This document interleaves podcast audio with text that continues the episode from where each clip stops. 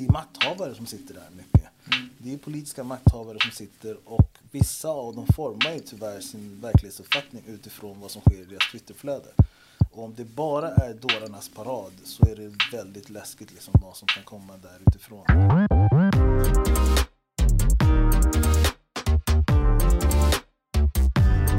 Hej och varmt välkommen till denna podd som heter Brottsofferjouren möter. Detta avsnitt är en del av projektet Ore Demokrati vars fokus är demokratibrott. Mitt namn är Marcus och jag kommer vara er host här idag i detta avsnitt där vi kommer samtala med Raymond Perotti. Raymond, välkommen hit. Tackar, tackar. tackar. Hur står det till? Kul att ha dig här. Det är bara gott tack. Ja men roligt att vara här. Roligt att vara här. Ett litet problem har vi nu eh, när jag ska introducera dig här. All right. Du är väldigt mångfacetterad. Det är extremt svårt att få till en vettig introduktion när det gäller dig. Skulle du kunna hjälpa mig få till en vettig presentation? Ja, vad ska man säga? Jag är, jag är lite av en mångsysslare. Eller jag har många kärlekar brukar jag förklara det som. Eh, Men en stark passion för mig är just demokratifrågor. Och demokratifrågor kopplat till ungdomsfrågor mycket. Och kopplat till mångfaldsfrågor. Så där någonstans rör jag mig, i de sfärerna. Vad är det du gör? Eh, ja, mitt 9 till 5 är just nu samordnare och projektledare eh, för Stockholms stad. Och då, än en gång när det kommer till ungdomsfrågor. Eh, och det handlar om våldspreventivt arbete och det handlar om ungdomsträffar och det handlar om men- mentorskapsprogram. Eh, jag, projektleder ett, ett, jag projektleder ett projekt som heter Frit, Fritid för framtid. Ursäkta. Ja. Eh, och det är just de här tre benen som det står på. Men annars så är det liksom att förkovra sig i allt som handlar om samhällsfrågor och mångfaldsfrågor och inkluderingsfrågor. Jobbar du i något specifikt område eller jobbar du övergripande över hela stan? Nej, utan nu är det specifikt västerort. Västerort? Ja. Så jag är tillbaks till så här Uppväxtområdena, Hässelby, Vällingby och så här. Vi pratar ibland om eh, eh, olika typer av socioekonomiskt utsatta områden. Skulle du säga att det är ett socioekonomiskt utsatt område? Vissa delar av, absolut. Vissa delar av det, eller som man nu idag säger, liksom särskilt utsatt område om man nu kallar det för. Men jag använder oftast benämningen arbetarklassområde, för det är så som det först benämndes. Fokus på den här podden är ju demokratibrott. Och det är en ganska bred eh, definition som polisen har gjort. Jag ska försöka läsa upp den definitionen så för de som inte är så insatta i demokratibrott vet vad det är jag menar. Men polisen definierar ett demokratibrott som ett brott som hotar någons grundlagsskyddade rätt att utöva sitt yttrande, informations, mötes, demonstrations, förenings och religionsfrihet. Det är alltså definitionen av demokratibrott och det kan vara en ganska eh, bred definition. Vad, vad tänker du när du hör den här definitionen och hur relaterar du till den? Ja men det är ju så, jag, alltså den satt ju lite, vad säger man, lite så här kluror i huvudet på mig. Jag fick tänka efter verkligen, men vad, vad menar han med demokratibrott? Eh, men jag tänker väl på att inte ha tillgång till. Eh, det är väl inte ett brott, men att inte veta är också förstadiet till att inte kunna delta. Så där någonstans tänker jag liksom mycket. Mm. Ehm, jag har ju följt dig lite grann i sociala medier. Eh, du kommer med inputs. Du är inte rädd för att ge dig in i samhällsdebatten. Ehm, har du själv blivit drabbad av demokratibrott? Ja, Jag ska inte säga demokratibrott, men av att vara hämmad. Mm. Eh, av tillgång till allt vad samhället har att erbjuda, men även alltså, tillgång till att alltså, väga fram.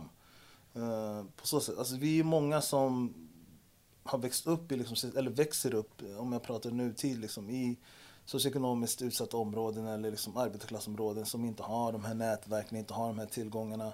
Eh, och det är en begränsning i sig. Eh, och när man sen ser liksom politiska makter som jobbar hårt för att begränsa det ytterligare, alltså tillgången, eh, d- d- då går jag igång. Liksom. Min uppfattning om det är lite grann när jag, när jag läser det du skriver så är du kanske mer tydlig än vad du är ödmjuk. Jag kan känna, och då är det också din egen hashtag har jag sett du har skapat. Men när du liksom går in och är tydlig eller markerar eller lägger in din input mot till exempel människor med stora eh, Plattformar. Sva- ja, plattformar med en stor Svansar, svans och så. ja. Då kan jag känna att nu, nu kanske han eventuellt drar på sig ett drev här. Mm. Eller, eller drar på sig liksom den personens svans, vrede Mm. på grund av din vi kan ha olika åsikter och det Ja. kanske inte alltid spelar någon roll hur man lägger fram det, men att du lägger fram någonting Mm. kan ibland dra igång saker. Vad är din erfarenhet av det här? Ja, men jag, jag är inte rädd för det. Och jag ser ju de här spelen som folk håller på med. För det är mycket av ett spel. Liksom. Mm. Och ibland så ser jag att ja, men, jag är ju under... Jag startade mitt Twitterkonto egentligen, till exempel om vi pratar Twitter, så startade jag mitt Twitterkonto för att säga men musikrelaterade saker. Mm. Men så märker jag att jag skriver noll om musik, utan det blir bara så socialt engagerat. Ja, men då märker jag att så här, vissa skribenter med stora svansar och så här ja, men då gillar de att skriva ut mitt riktiga namn istället för artistnamn. Ja, men Raymond Perotti, varför säger du så här, så här, så här? Och det är endast för att trigga igång sina svansar. Men jag är ganska luttrad så jag, jag skrattar mer för jag ser det bara som nonsens liksom. Men det här med trigger points, eh, Mm. för jag antar att du, du tänker lite innan du skriver. Vet du om det är vissa frågor som triggar mer än andra frågor? Ja men det är det absolut. Alltså när, när människor med stora plattformar och som sitter liksom på ledarsidor och har sig vräker ur sig falsarier som de vet är liksom, nej men det här är ren lögn. Men jag vräker ur med det här för att jag vet att jag kan känslomässigt engagera den här svansen som genererar fler kl- klicks och som gör att jag ser ut att vara någonting större än vad jag är för någonting. Då kan jag bli så här, men nu är du väldigt cynisk i ditt agerande och det, det stör mig något ofantligt. För om du sitter på en maktposition, då har du också ett ansvar för vad du faktiskt skapar liksom. Och vad du genererar för krafter i samhället. Och det går inte att det går inte att skydda sig bakom, ja men jag, jag provtänker bara eller ja men jag måste få säga det här eller ja, men, för du drar igång krafter som sen kan liksom generera vår nästa Laserman. Eller vår nästa Anton Lundin eller liksom, alltså vi har de här krafterna i samhället som sitter och göder och sitter och liksom fångar upp, insuper allt det här som de här människorna i maktposition säger. Men då har du också ett ansvar för du vet om att din svans är full av de här dårarna. Om vi har haft vi har haft två lasermän i Sverige. Vi har haft otal rasistiska mord och attacker och allt vad det må vara för någonting. Vi har haft, en, en, vi har haft otal med bränder av flyktingförläggningar. Vi har haft, eh, vi har flertalet som har gått in med skolor och inspirerade av varandra liksom för att attackera människor och, och, och barn och ungdomar.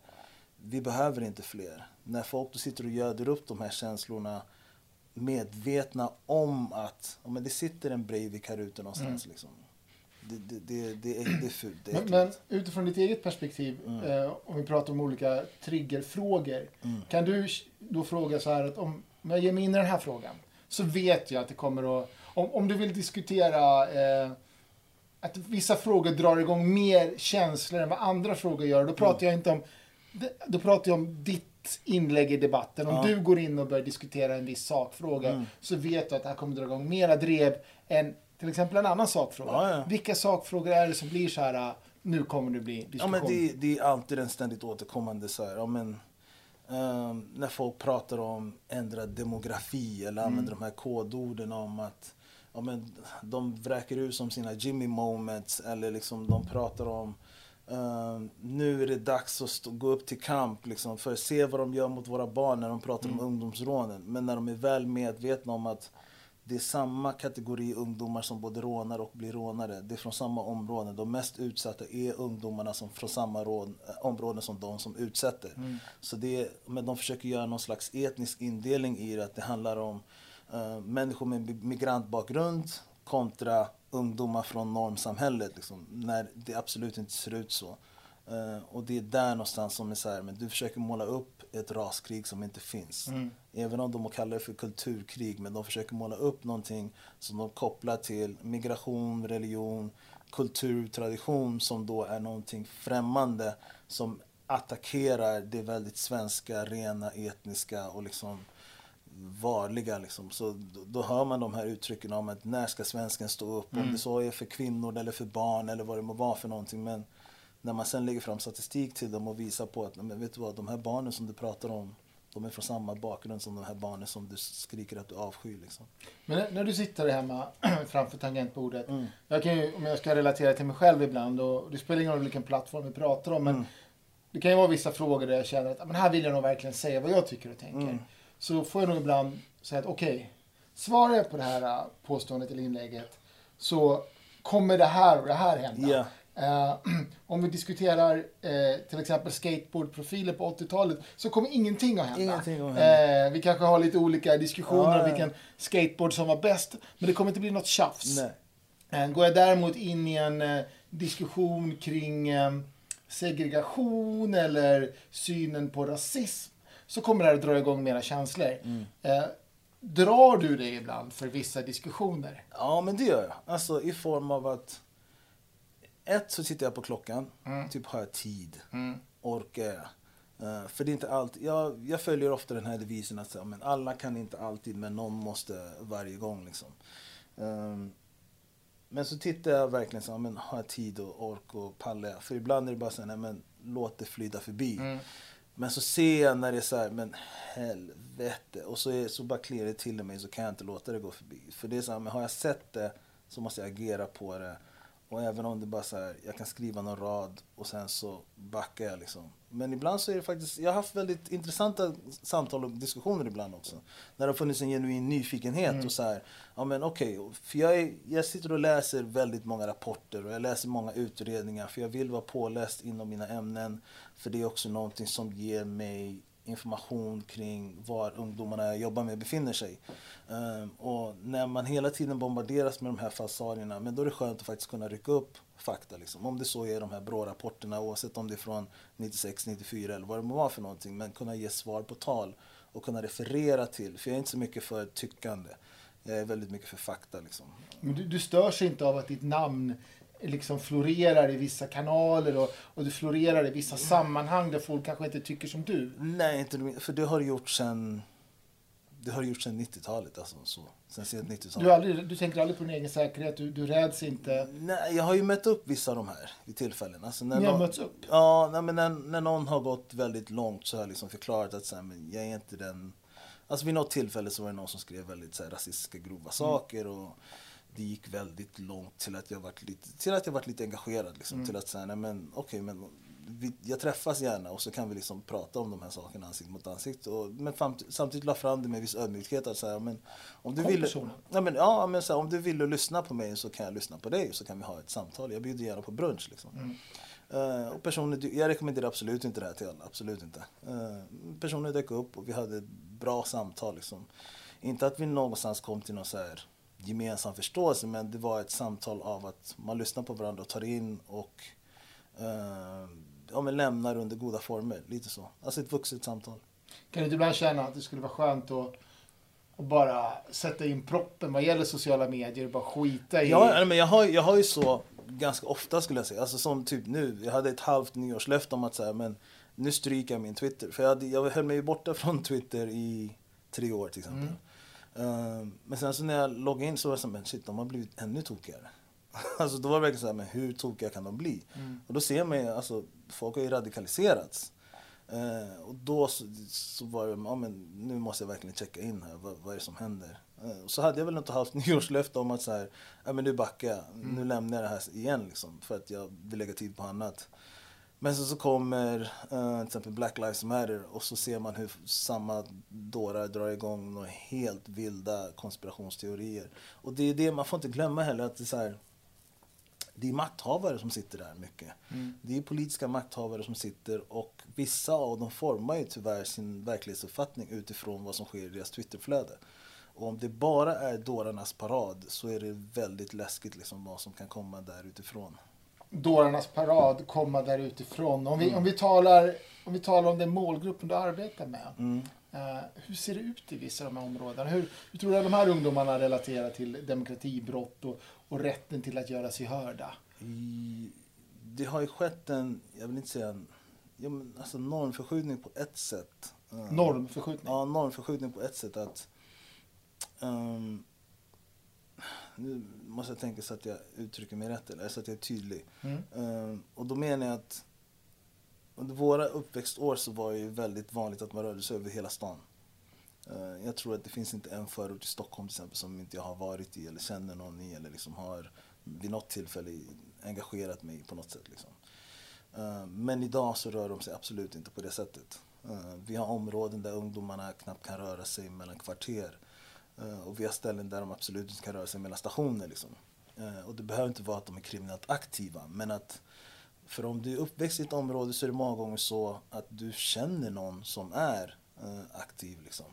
Och då anses ju du ha, liksom, ja, men, du har umgänge med eller du, du hänger med eller liksom så. Men även om det är bara någon som du har växt upp med, liksom, som är så här, hej tjena läget.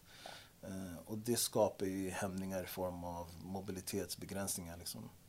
Tror, tror du dagens ungdomar känner att de fritt kan eh, uttrycka vad de känner, dels inför framtiden, eh, eller hur de känner där de bor utan att riskera att bemötas av olika förtryckande strukturer som håller tillbaka dem? Nej, det tror jag inte. Men jag tror inte det har ändrats här nödvändigtvis jättemycket från tidigare generationer.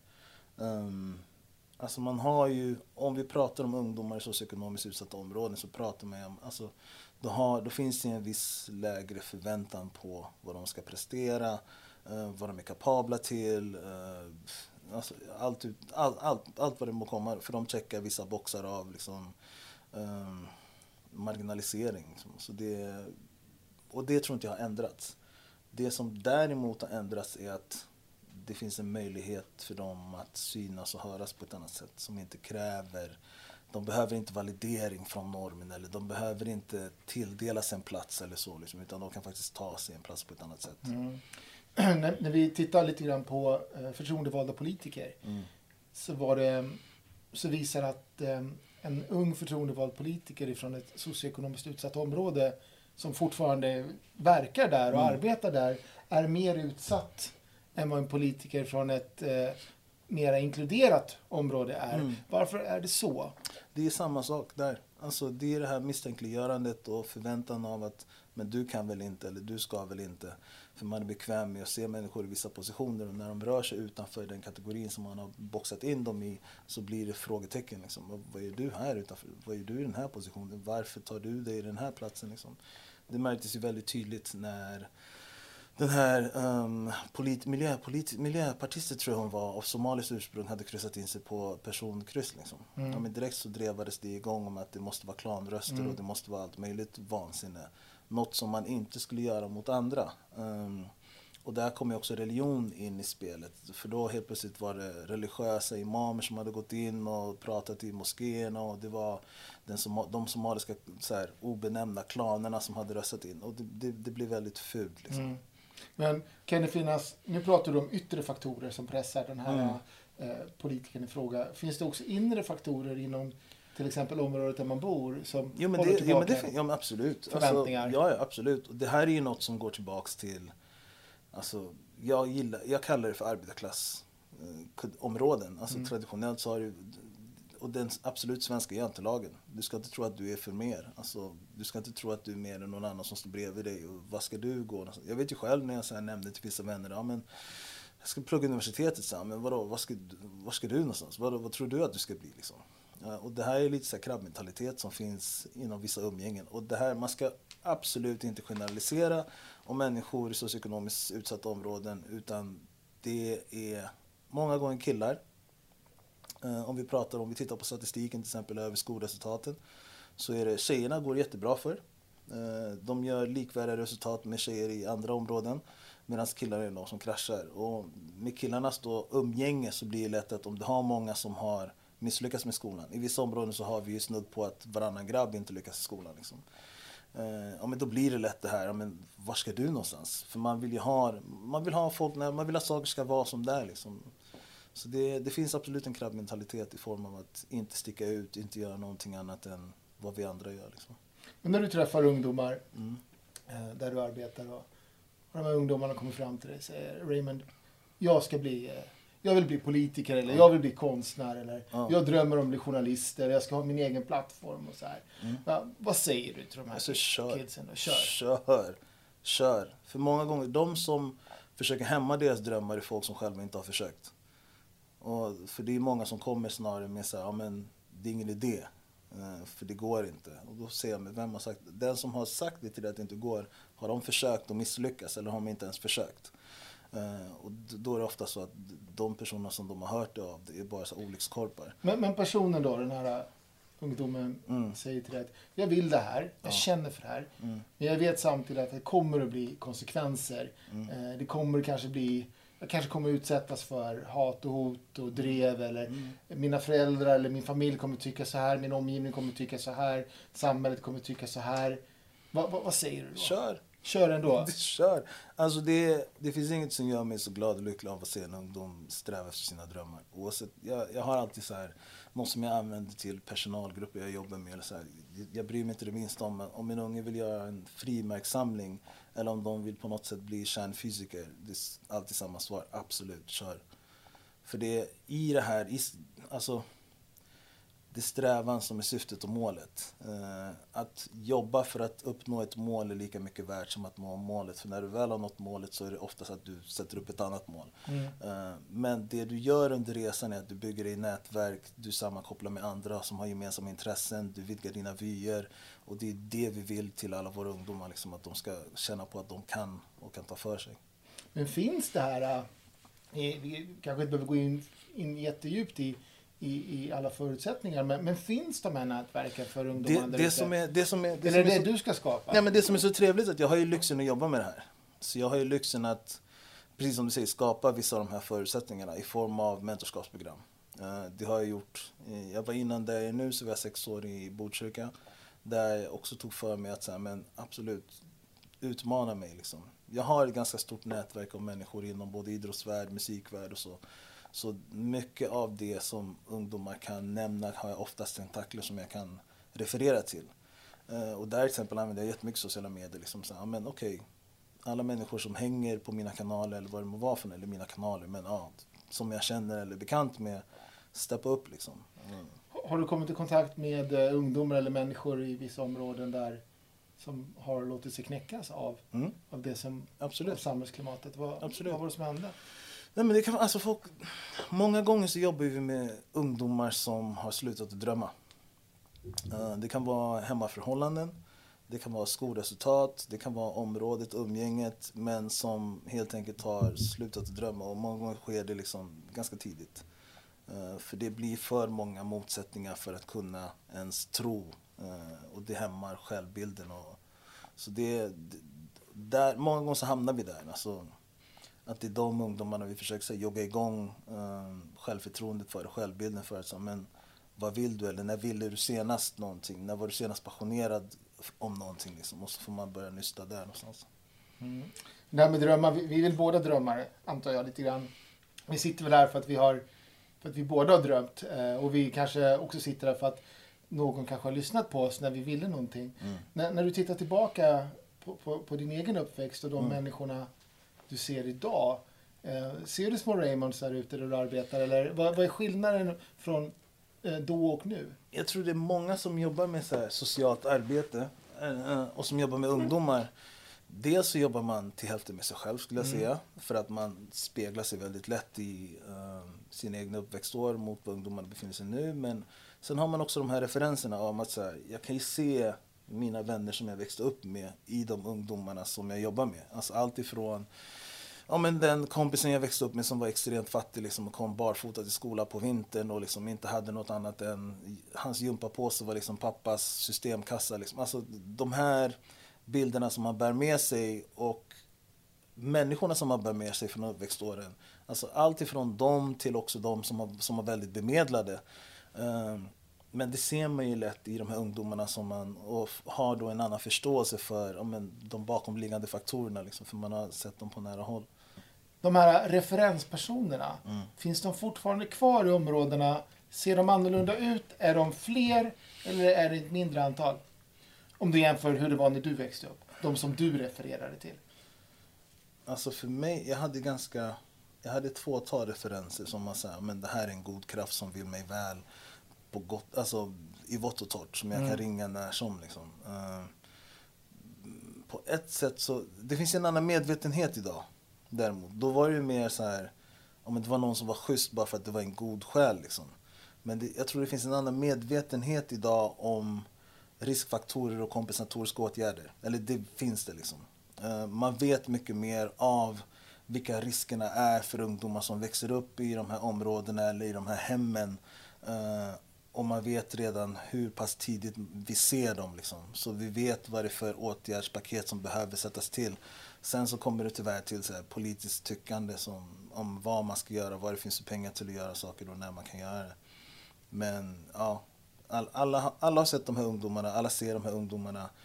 Och det finns en annan medvetenhet idag jämfört med vad det fanns på 80-90-talet kring vad som behöver göras för de här ungdomarna. Liksom. Men den där medvetenheten, om vi pratar om den. Eh, skulle du säga att den är mer...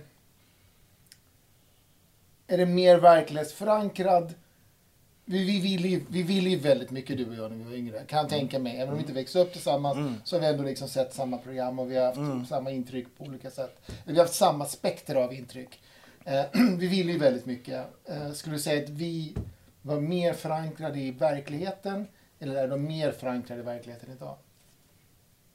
Jag tror ungarna är... Det beror på vems verklighet vi pratar Mm. om. Alltså... Både ja och nej skulle jag säga. På ett sätt är de väldigt... De är, eftersom de har... Alltså det går inte att jämföra. När jag tänker så här.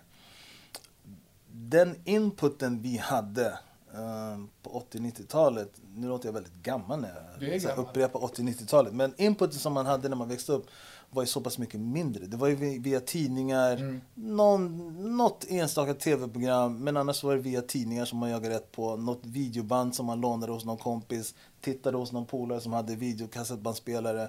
Men annars så var det väldigt smalt. Mm. Eh, Man fick mycket gå till varandra. Liksom. Någon hade hört, sett något, låna kassettband av varandra, spela av mixtapes och sådana grejer. Medan idag, det går inte Alltså det är det jag menar. De har...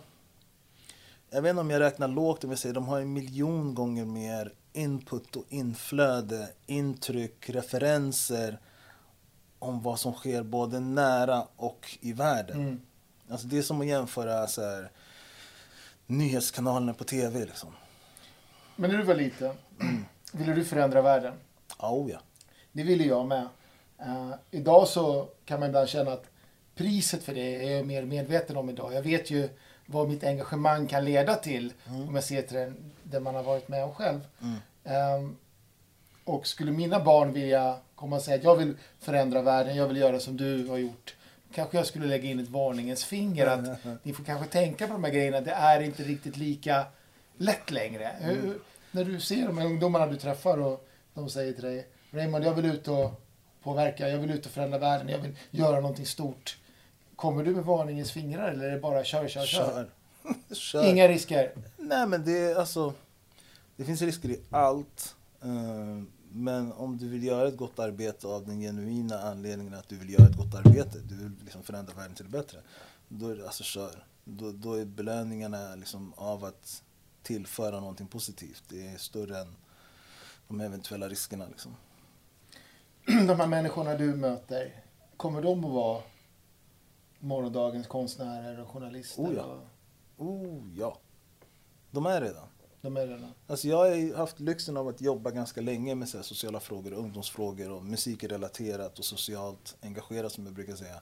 Eh, att man ser ju, alltså från att en unge är 12-13 till att någon är liksom 20, då har de redan tagit sig, gjort sin en plattform. Det är flera stycken som har gjort sig plattformar och liksom tagit sig positioner. Och både konstnärligt, musikaliskt till att så här, nu kör vi, jag vill, jag vill förändra världen. Och de, har, de har mycket färre begränsningar än vad man själv hade. För man tänker så här, nätet fanns inte, du hade inte möjlighet att knyta kontakter med alla andra som tänker, känner, tycker likadant som dig. Um, alltså referenspunkt, så här, vi, vi hade Heta linjen och vi hade Kungsträdgården. De har världen i sina telefoner. Det är liksom för att, för att kunna påverka eller träffa andra som var intresserade av att påverka något så var du tvungen att fysiskt ta dig någonstans. Idag kan de liksom, de kan, de kan skapa en manifestation eller en demonstration med tiotusentals eh, människor som dyker upp Mm. bara utifrån sina telefoner. Medan du hade varit tvungen att gå ut och stoppa papper i liksom folks brevlådor eller det måste marschera runt i något kvarter i flera månader. Alltså det, det går inte att jämföra. Du hade inte kunnat få till de sakerna som man kan göra idag. Liksom. Men ser du små mini-Raymonds där ute? Alltså jag vet inte om jag ser små mini Rainbows, men jag ser små jag ser individer som jobbar stenhårt och brinner med ett engagemang för att göra gott. Det, Mm. det. Men vi, vi sitter ju på, vi sitter ju på brottsofferjouren och eh, Mm. vårt främsta mål är ju, vi jobbar ju framförallt med brottsoffer. Och brottsoffer finns ju över hela, i hela samhället. Men om vi pratar om, om vi pratar om området till exempel där du arbetar, Mm. utifrån ett brottsofferperspektiv, vad gör dig förbannad där ute? Vad är det du ser att det här måste, det här måste vi ta tag i? Och det här kan jag genom mitt arbete påverka. Alltså utifrån brottsoffers... Jag ser många gånger... Jag gillar... Jag har ju turen att jobba liksom förebyggande och främjande. Eh, och då ser man många gånger saker innan de sker. Innan det går så pass långt till att någon både blir förövare och offer. Eh, Eh, och då förhoppningsvis lyckas man avstyra saker i förtid. Liksom. Eh, men det är sjukt att de tillfällena när, det man in, när, det inte, när samhället inte lyckas, det gör en ju förbannad. Både när det är någon som blir offer eller någon som blir förövare. För även förövarna har vi sett tidigt. Liksom. Så det gör, alltså, det, gör en ju självklart upprörd varje gång man ser att okay, men den här ungen hade inte behövt spåra så här långt. Liksom. Blir, blir brottsoffer i, i socioekonomisk utsatthet lika mycket hörda som andra brottsoffer? Nej, absolut inte. Absolut inte. Det, det är det här som är det lustiga med de här eh, siffrorna. Man tittar på statistiken som det kom den här den här utredningen som de gjorde på niondeklassare tror jag det var, eh, här i Stockholm och de såg att, ja men, eh, jag kommer inte ihåg exakt vad siffrorna var nu, men det var ett väldigt högt antal av ungdomarna som medgav att de beväpnade sig. Mm. Eh, och det här spreds ju till exempel som en löpeld bland vissa av de här Eh, människorna med plattformen på sociala medier. Liksom, om att säga, ja men du ser de här ungdomarna beväpnar sig för att, för att utsätta våra barn för si och så. Men det de missade när de läste den här, om de hade läst hela rapporten så, så framkommer det också att samma kategori ungdomar är också offer. Eh, så du har väldigt många offer i den kategorin men du har också samtidigt mycket förövare i den kategorin. Eh, så det... Ja. Men, men då undrar jag, vad är det som ger dig vad är det som ger dig kraft? Är det det negativa du möter eller är det positiva du möter? Vad är det som får dig motivera och, och fortsätta göra det du gör? Bägge. Bägge. Ja. Ehm, Jag har en talesätt om att här, även Satan kan visa dig den rätta vägen. Eh, Och det handlar om att här, det negativa kan också visa var du behöver lägga energi. Men det positiva är självklart att se alla de här stjärnskotten vi har som bara tar för sig och inte låter sig hämmas och bara ser det som en självklarhet att så här, vadå, ja, men du kan sitta där och tycka i din erfarenhet men vi här frodas i vår mångfald och bara kör liksom. Och den energin och den, vad säger man, den utblicken på världen avundas jag många gånger så här, de ungdomarna som jag jobbar med. Jag, jag har jobbat med olika kategorier av ungdomar, eh, unga vuxna till exempel. Och men där har de kommit en bit. Och om det är några, när man ser de här ungdomarna som kommer från välmående hem men som har minoritetsbakgrund eller så men inte har låtit sig hämmas av samhällets förväntningar eller kategorisering av dem utan bara blåser på och kör. Det, det är så Alltså det är så energigivande och det är så fantastiskt att bara se här, med vilken, alltså när man vet att det finns ingenting som man kan lägga framför den här ungen som kommer stoppa dem. Liksom. Och det är jättehärligt. Du jobbar ju för staden, du, jobbar ju, du arbetar kommunalt skulle man kunna säga. Mm. Eh, Brottsofferjouren, vi är ju en del av civilsamhället. Eh, Och när jag växte upp så fanns det väldigt mycket civilsamhällesaktörer i, i området. Det fanns ju allt ifrån eh, partipolitiska Unga Örnar till eh, eh, luft, vet du, Luftpistolsklubben. Det fanns Mm. hur mycket som helst att välja Mm, på mm. om man ville det. Mm. Hur ser det ut idag? Hur ser civilsamhällets representation ut där du arbetar? Tyvärr mycket smalare. Mm. Och varför? Det är en jättebra fråga. Om man kan knäcka det här varföret så har man kommit en lång bit på vägen. Men jag har inte riktigt svar på den här varför. Jag har inte, vi sitter och luskar på det just nu faktiskt. Här, varför? Hur kommer det sig att det är så pass mycket mindre representation av civilsamhället än vad det har varit tidigare? Um, jag sitter till exempel med en del idrottsföreningar som förklarar att men, vi kan inte bedriva verksamhet här, eller vi bedriver ingen verksamhet här ute för att vi lyckas inte få till um, vi lyckas inte få till eh, föräldrarelation eller föräldrakontakt eller vi lyckas inte få till återkommande grupper av ungdomar som vi kan bilda lag utav. Liksom. Och det, det är väldigt sorgligt för det betyder att det finns ungdomar som missar en hel massa olika alternativ av, eh, av områden som de skulle kunna engagera sig i. Det finns områden där det bara finns en, en fotbollsklubb. Och that's it. Men ungarna vet inte vad handboll är. De har ingen aning om vad volleyboll är eller liksom bandy eller liksom... Och det, det, alla kan inte bli fotbollsstjärnor. Och alla kan inte hitta sig inom fotbollen. Och det menas inte att alla ska hitta sig inom sporten. Men om det inte ens finns en mångfald av sport att välja ibland. Då är det också väldigt svårt med alla de andra så här, teoretiska bitarna. Liksom. Men de här dagens unga kommer ju en dag att bli morgondagens vuxna, precis som du och jag blev. Mm. Mindre hår i polos. Eh, våra målgrupp är ju brottsoffer. Och brottsoffer finns ju i, i de här områdena. Vad kan Mm. vi göra bättre för att få in en fot där? Vad, vad ser du? Om inte de här fotbollsklubbarna finns, då finns ju förmodligen inte kunskapen om, om brottsofferjouren heller. Absolut vad, inte. vad måste vi göra för att få in en fot där? Närvara. Hur nära är vi jag, säger, jag- alltså jag säger till... Jag får väldigt mycket och har genom åren fått väldigt många förfrågningar från allt ifrån civilsamhällesföreningar som är så, här, men vi har, eller så här, arvsfondsprojekt som är jätte, jätteroliga. Men, ja, men vi har fått pengar här för ett projekt som vi skulle vilja göra för förortsungdomar. Har du några ungdomar till mig? Och mitt svar är konstant så här, men ett, de har inte varit med och format det här. Och sen så två, om ni vill nå dem som kommer ut och liksom besök dem. Och det är väl samma sak här. Så, här, men var närvarande och det betyder alltså rör er i de arenorna där ungdomarna befinner sig. Dyk upp på fritidsgårdsverksamheter. Jag vet att fritidsgårdarna är jättetacksamma för allt vad som gäller besök utifrån. Eh, och framförallt när det är sådana här aktörer som är relevanta för dem. För det är jättemycket brottsoffer. Om vi pratar om ungdomsbrottslighet och så, så har de väldigt mycket brottsoffer i verksamhet eller känned- kännedom om. Liksom. Eh, De vuxna i de här områdena? Ja, nej, men även där. Alltså, jag vet till exempel, ja, men några bekanta till mig som kör så här, eh, juristfirmor så här, med pro bono liksom, jur, eh, information om så här, men här är dina rättigheter och så.